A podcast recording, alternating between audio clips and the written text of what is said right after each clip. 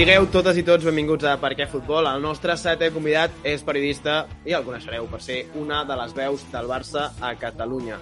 Amb el número 7, Ricard Torquemada.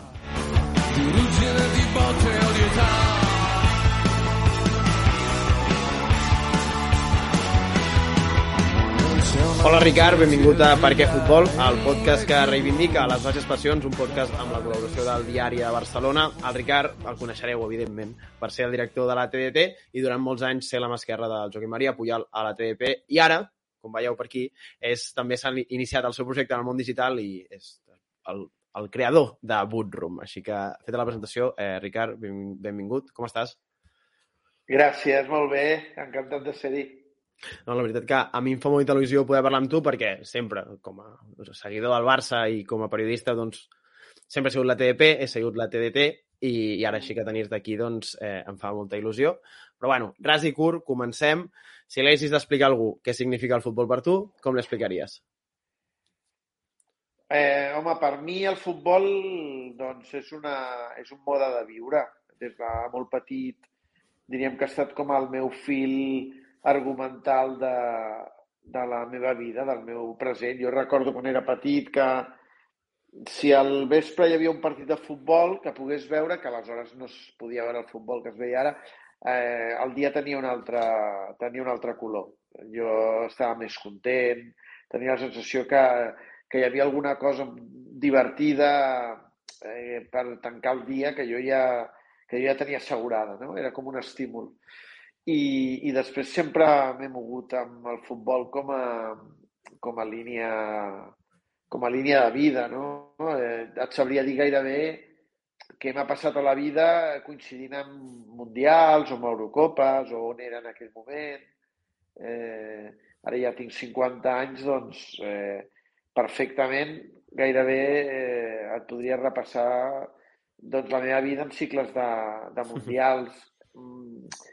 O, per exemple, no, amb, amb èxits del Barça futbolístics també, després amb la meva etapa professional i, i, i a vegades doncs, el calendari vital me'l marca el futbol, no? quan em llevo i el, aquest vespre que hi ha o que no hi ha o que podré veure. I bé, és una manera de, de viure que, que em, em dona... O sigui, que jo la necessito. Vull dir, no, no he viscut una etapa eh, sense tenir el futbol com a referència i, i crec que la necessito per viure. Eh, molt bona saga inicial. Eh, eh, et volia preguntar si ets d'aquelles persones que per ell l'any va en relació al calendari de temporada o perquè jo crec que ens passa bastant que les temporades, els anys els recordes una mica, doncs, és la temporada doncs, 2021 i va passar, doncs, coses de l'any m'han passat entremig d'aquestes temporades.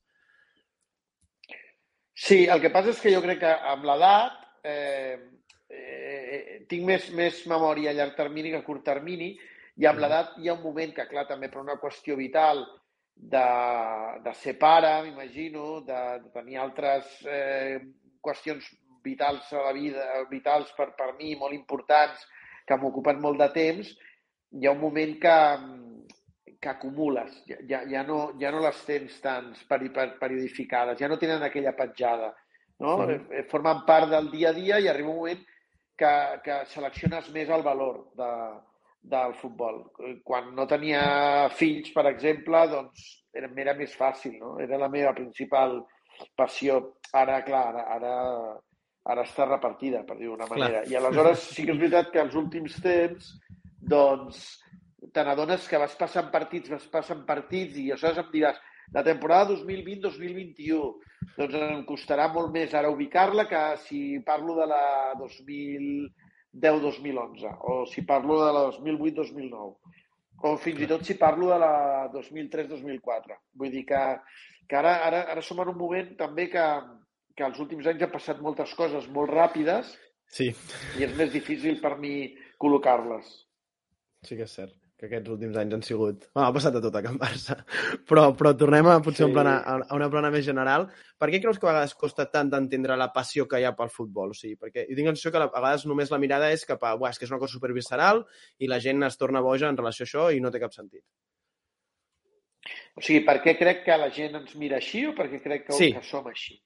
Per què, crec, per, què, per què creus que la gent ens mira així? I després, si vols respondre per què som així, doncs... O sigui, la, la mirada que té no, la gent envers nosaltres. Per, ja, eh, perquè hi ha gent que no té aquestes passions. Jo crec que hi ha gent que, que viu sense, sense tenir aquestes passions. Per mi això és un regal que ens ha donat la vida, és un privilegi. No tothom té una, un motor que el mogui diàriament. Jo a vegades penso en gent que no té la passió que tinc jo per, per un esport, per exemple, eh, com pot viure, què el motiva, què l'estimula, més enllà de, de, de les coses que tenim tots. És a dir, hi ha coses que les tenim comunes, la família, la, la, la, els pares, eh, però, però després a mi em mou una passió que després s'ha convertit en, una, en un ofici, que això també és una cosa que és, que és interessant. Eh, eh, a vegades o sigui, en el meu cas, per exemple, que la passió s'hagi convertit en el meu ofici és un regal perquè el dia que em mori hauré viscut, diríem, la, amb màxima passió la meva il·lusió, uh -huh. però també és un problema perquè de cop i volta se t'ajunten dues coses i és difícil separar-les. Aleshores, eh, tens el futbol com a feina però també com a oci. No? Eh, aleshores, clar, no et mous d'allà perquè quan deixes de treballar, però si vols eh, consumir alguna cosa des del punt de vista no professional, no tens temps per altres coses, no? O sigui, eh, a vegades tenir aquesta separació també també és interessant i jo, per exemple, no la tinc. A vegades m'agradaria poder-la tenir, no? perquè si no, clar, no, no, tinc, no tinc temps. Necessitaria moltes més hores de les que tinc per veure tot el que vull veure o per, o per assaborir tot el que, que, el que vull assaborir. Llavors, clar, la gent ens veu com a amb, amb, amb un punt d'inquietud o de curiositat de com pot ser que aquesta gent això els signifiqui tant, no? Com pot ser que per ells sigui tan important. I, I jo crec que és la mirada de qui no té la sort de tenir aquest privilegi. Doncs, doncs sí, jo crec, mira, això, de les, de les coses que has dit, una, amb l'Andrea Horts, que va ser la segona entrevistada, tercera, sí. segona, bueno, ho poden, ho poden buscar als programes, ja sabeu on són, Spotify, iVoox, tal, tal, tal, ho podeu buscar allà.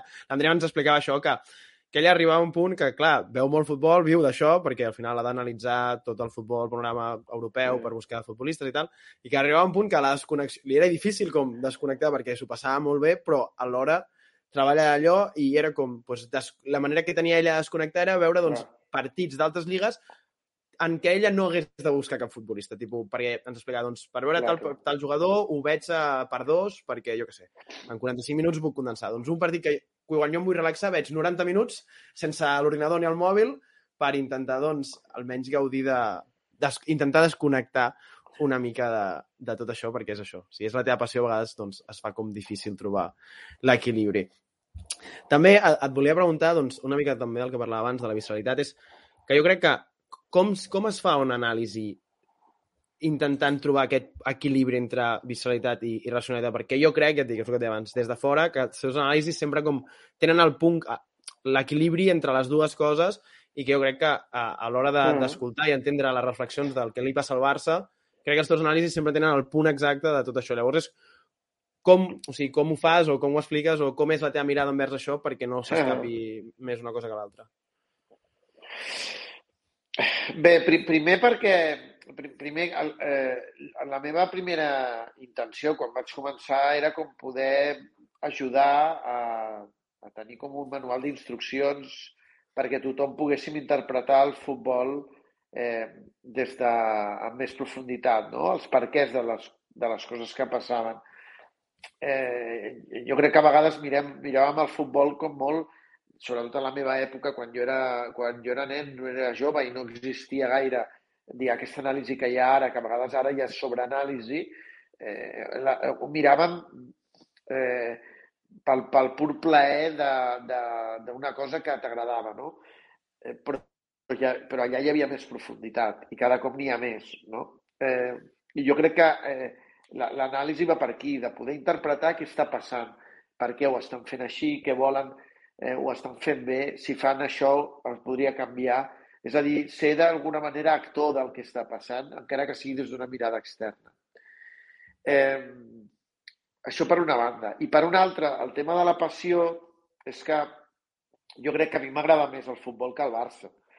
Eh, aleshores, eh, quan, eh, quan eh, és, és una qüestió de respecte a l'esport. O sigui, per mi és més important dir el que veig, encara que no m'agradi, uh -huh. Que dir el que vull que eh, el que voldria que passés perquè m'agradi, no sé com dir-ho, no? Uh -huh. És a dir, intento trobar aquest punt, però em surt bastant natural. O sigui, per mi és com una prioritat, primer és el futbol i després ve el Barça. Si futbol i Barça van de la mà, perfecte, però si no, doncs eh, primer hem de trobar el punt d'equilibri perquè des de la passió, des del que voldries que passés, des de que a vegades a tothom se li escapa perquè, perquè tothom està jugant al partit. Hi ha moments en què, ostres, no deixes de tenir eh, aquell punt de competitivitat contra el rival, que et pot fer ràbia una situació que el rival faci, eh, però bé, has de controlar-ho, perquè en el fons tu el que estàs intentant és interpretar des de, la, des de les regles del futbol, empatitzar amb el rival, encara que en aquell moment sentis certa animadversió perquè, perquè també estàs de posar en el seu, en el seu lloc de, de cara a, a, a competir per tenir una mirada més global. Si només mires des, de, des del Barça, clar, la, la mirada és una mica esbiaixada i has d'intentar empatitzar, jo crec, amb tots els sectors, amb l'àrbitre, amb el rival, eh, encara que tu no perdis la referència que el que, que, el que tu et motiva o, o el, la teva primera persona és el Barça, no? Uh -huh és difícil això de, de aquests, buscar aquests punts d'empatia, això, en aquest moment d'una mica de, de frenesí o de desenfre. Però, mira, parlaves de, de futbol i Barça anant de la mà, i jo vull preguntar, com he comentat abans de, de fora càmeres, que a la TDP, doncs, durant molts anys heu aconseguit, i a la TDT, que futbol, Barça i català vagin, vagin de la mà. Llavors, jo, jo el que et volia dir és com, com s'aconsegueix arribar a crear aquest producte i que durant tants anys funcioni i que sigui tan important tant el català com transmetre la importància de l'idioma. És a dir, no només parlar del Barça en català, sinó que, que l'idioma creixi i, i pervisqui. Mira, això tot el mèrit és del Puyal. Jo, en el fons, m'he educat en aquesta manera de fer i acabes sentint-la com a pròpia però perquè algú te la ensenya o algú te la incorpora. Eh, per mi ara és molt fàcil simplement perquè eh, jo ho sento com a meu. És com el meu pare m'ha educat d'una manera, eh, doncs vist com m'ha educat el meu pare. I en el tema professional, doncs simplement és seguir tot el que ens va ensenyar el Puyal. El Puyal ens va, ens va ensenyar i ens va explicar eh, la importància de, de la llengua, de la nostra llengua, que a més està en una situació complicada per la, per la inèrcia i per la, per, per la quantitat d'altaveus que té el castellà en convivència amb el català i que el futbol també podia ser una bona eina per introduir el català, per eh, defensar-lo, per representar-lo amb naturalitat. No, no es tracta de reivindicar-lo com un gest eh, forçat, sinó simplement entendre que nosaltres som catalans i ens comuniquem en català i com que som catalans i ens comuniquem en català, doncs hem de tenir un gran respecte eh, a la llengua i hem de cuidar-la, som prescriptors. Per tant, tot el que diguem nosaltres, d'alguna manera, eh, té un efecte en la persona que ens eh, sent, com que ens escolta molta gent, eh, encara hem de ser més responsables hem de ser prudents i per això tenim a l'equip aquesta consciència i aquesta responsabilitat respecte a la llengua. Pensa que, que a qualsevol reunió que fem més enllà de parlar de contingut, sempre hi ha un moment de parlar de, de, de llengua, de possibles errades que hem fet lingüístiques a la transmissió, de dubtes, de per què ho hem dit així, si això està bé o no està bé. Eh, eh, eh, hem de, hem de cuidar-ho cada dia perquè si, si no ho cuidem cada dia, el, el, el sistema, tal com està organitzat, diríem, ens va, ens va raconant, ens va eh, eh, es va confonent sobre si... El, I a vegades pensem que diem coses bé perquè, perquè la inèrcia ens ha portat a dir-les d'una manera i no estan ben dites. Eh, I ningú no ens ajudarà amb això. Per tant, depèn de cadascú de nosaltres. I, i per tant, simplement el que fem és mantenir, diríem, l'herència que, que el Puyal ens va deixar i, i, i, la, i sobretot el, el que ens va marcar ell, no? una mica el camí. Clar. I, I en relació al Puyol, com, han estat aquests... que ara ja fa quatre, aquesta la quarta temporada sense ell. Com sí. han estat aquests quatre anys? Doncs mira, quatre anys d'un repte nou i d'un repte atractiu, excitant, perquè amb una responsabilitat de defensar d'alguna manera el llegat que ell ens va deixar i que, i que, i que molts de, de l'equip vam compartir durant una etapa llarga, perquè hi ha gent que és molt... a l'equip que fa, fa molts anys, el Carles Domènec fa molts més anys que jo, que és la transmissió, eh, vull dir que hi ha gent... Eh, eh, hi ha el Carles i el Marc, que és el seu fill, o sigui, hi ha noves generacions, hi ha la Mireia, que és, que és molt jove, és acabada d'arribar, eh, hi ha gent que, que, que en canvi ja doncs, fa 10 anys, vull dir que tenim, diríem, una mica de, de tot. I, i el Bernat, que es va incorporar fa 4 anys, eh, bé, una mica tant els nous com els antics, diríem, tenim clar a què juguem, perquè sentim... Eh, jo sempre deia que si el futbol el miro amb els ulls de Cruyff, la ràdio amb els ulls del Puyal, no? És, això és, és, és bastant senzill perquè en un moment donat a tots preguntar què faria el Quim en, una, en, un, en un problema o en una dificultat, no? O, o què hauria fet en aquesta situació. Això m'ho he preguntat molt, sobretot en aquesta etapa tan crítica del Barça, però no per replicar-ho, perquè ell, ell ho sabia defensar perquè ho defensava amb naturalitat, perquè ell tenia, ell era molt transversal, ell és únic, és especial, mai podem pretendre fer les coses com les feia ell, les hem de fer de manera diferent, però sí està bé saber com les faria ell. Eh, eh, per, per saber exactament on t'has de moure i, i per saber que el nostre rol és diferent. Justament la transmissió vam canviar el model perquè sabíem que no podíem eh, substituir-lo, perquè és insubstituïble. I aleshores és una etapa diferent eh, que, que només té el propòsit de divertir-nos, passar-nos-ho bé i que jo crec que és la millor manera de que la gent que hi ha a l'altra banda també s'ho passi bé, de donar continuïtat a la comunitat que el Quim va crear, eh, gent molt fidel, i intentar parlar de futbol, que això sí que és la meva marca, que és una mica la meva petita aportació, el petit granet de sorra, la TET, que és enfocar-ho més al, al futbol perquè és on jo em sento còmode. Totalment. I, i mira, abans de, de passar ja a la, a la següent part del programa, et volia preguntar, doncs, per això que deies de, de com, aquesta mirada, no? El, el Puyol com ho faria i tal. En aquests mesos que han passat tantes coses, no has tingut com una certa angoixa de dir, jo tinc aquest altaveu i, ostres, depèn de com abordi aquest tema o l'altre, doncs potser és complicat, controvertit, no sé, saps? Vull dir, han passat, han passat moltes coses sí. en molt poc temps. Sí. Sí, angoixa no. La veritat és que i ara ja fa molts anys que, que, que vaig començar el Puyal fa 23 farà, doncs en el fons són 19 més 4 eh, i, i angoixa no, perquè jo ara em sento molt tranquil i molt segur eh, fent el que faig i sense la necessitat de, de defensar una, un estatus, no? Simplement uh -huh. gaudint-lo. Eh, però sí que responsabilitat, sí, perquè hi ha hagut eh, èpoques, s'han estat èpoques difícils i sí que havíem de trobar el moment adequat per dir allò que pensàvem que era adequat. I això no era fàcil, no? Eh, jo tampoc no hi estava acostumat i, i ha hagut de seleccionar moments per dir, per, per llançar missatges, no? Però bé, això ho hem decidit col·lectivament i després jo he posat la meva, la meva firma però, però, però a la TET ara això ho compartim tots. Eh, quan l'equip m'ha dit eh, hauries de dir alguna cosa, doncs, doncs eh, ho hem preparat i ho hem dit. Si jo veia clar que aquell no era el dia, doncs no ho he fet, eh, però com que treballem també sota el sistema i el mètode que el Quim ens va marcar, que és la revisió constant del que fem i del que hem de fer, eh, doncs és més fàcil perquè compartim molt, que ens comuniquem molt entre nosaltres i, i aleshores eh, en, el, en el fons això t'ajuda a que quan fas una cosa et sents molt acompanyat, molt recolzat, molt, molt representat pel, pel grup i això et dona seguretat. Clar, totalment. Aquest, aquesta força grupal, doncs, sí, sí, ja entenc que és, al final és aquest sí. reforç per fer el pas endavant. Doncs explicada ja la baixa passió del Ricard, fem un viatge en el temps i obrim el bagul dels records.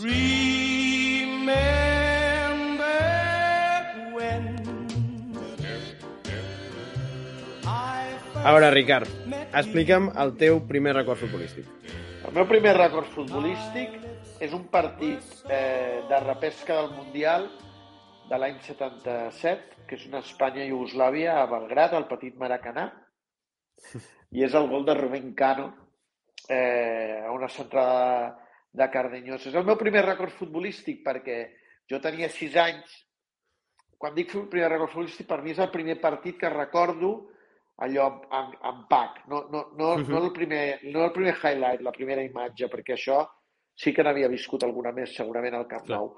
Eh, però però com, com impacta. Per què? Perquè aleshores, el que et deia, només teníem dos canals de televisió, la 1 i la 2, eh, i, i aquell partit per la selecció espanyola, perquè era la televisió espanyola, no teníem televisió catalana, era eh, un partit eh, històric, perquè la selecció espanyola havia quedat fora del Mundial 74 i era la tornada d'Espanya a un Mundial, el 78.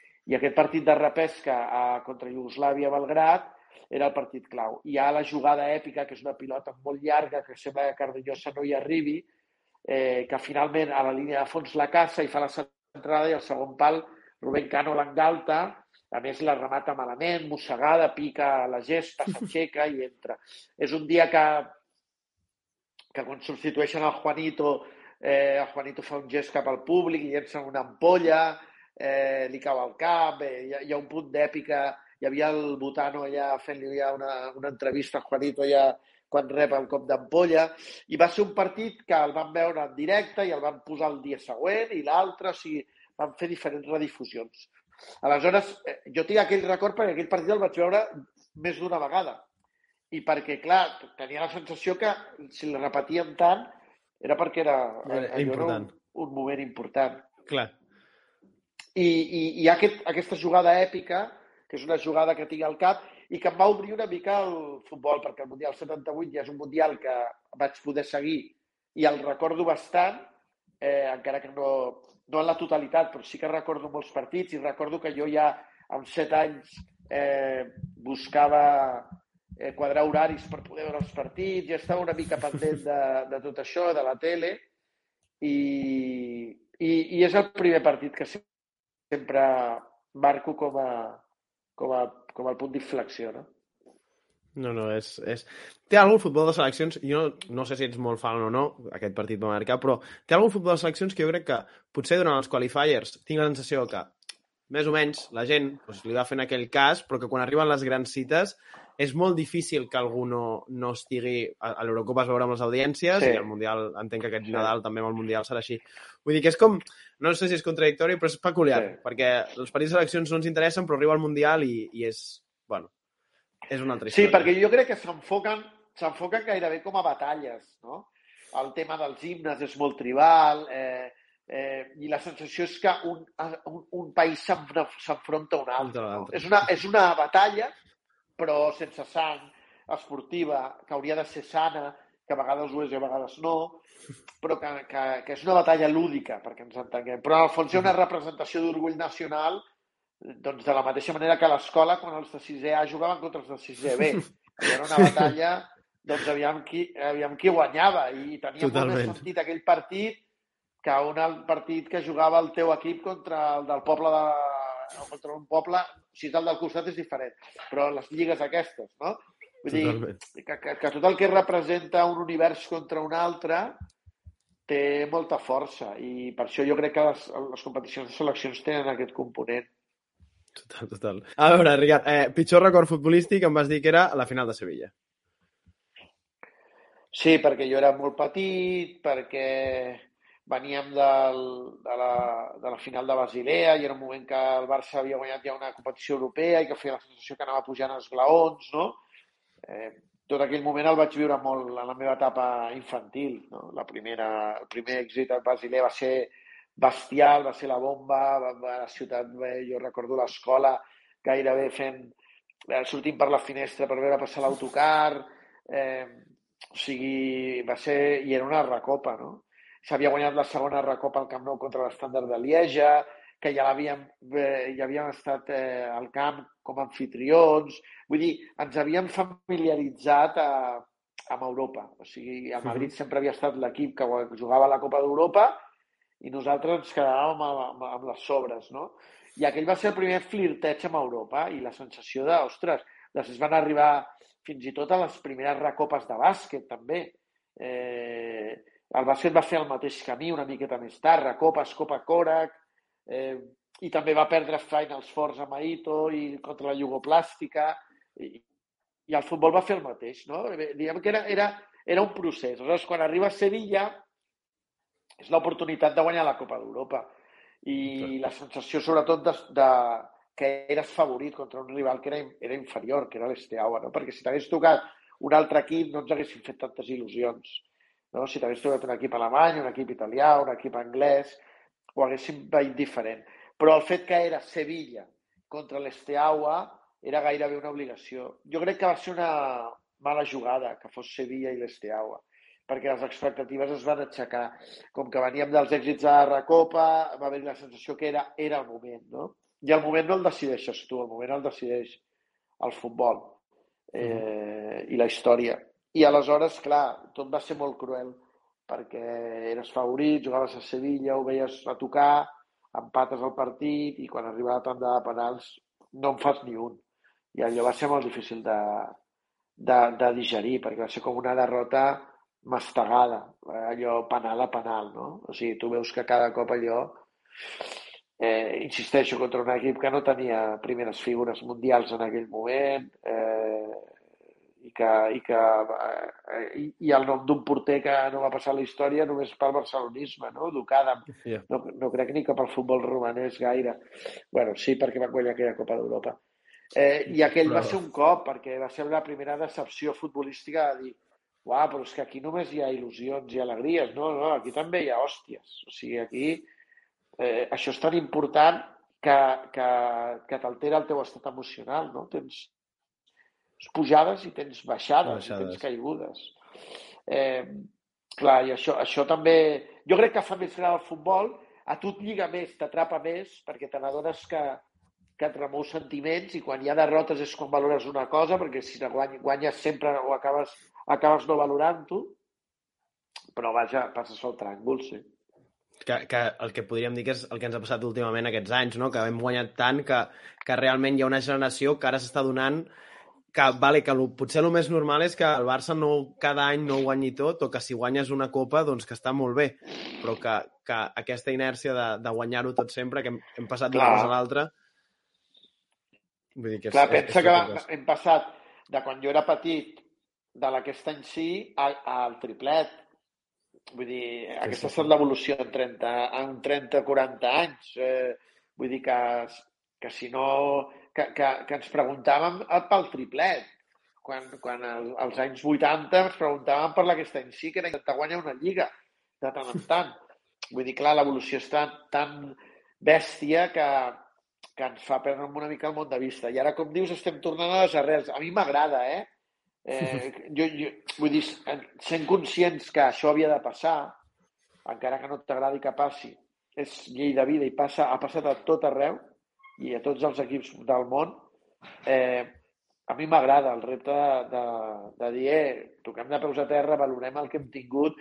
A mi aquella sensació d'estar de, farts, afartats i anar a una final de Copa amb la sensació que, Fa mandra ah, sí, una mica. final de Copa, bé, si la, sí, si la guanyem, va, demà, també, demà anirem a fer una altra cosa, no? gairebé ni la celebrarem, vull dir, ja estem pensant en la següent, no? Que és com sí. quan estàs tip i menges una mica més, no? Bé, sí, dona una mica d'això. Menjar amb gana és el que, el que emociona. Quan tens gana i t'asseus a taula i et ve de gust.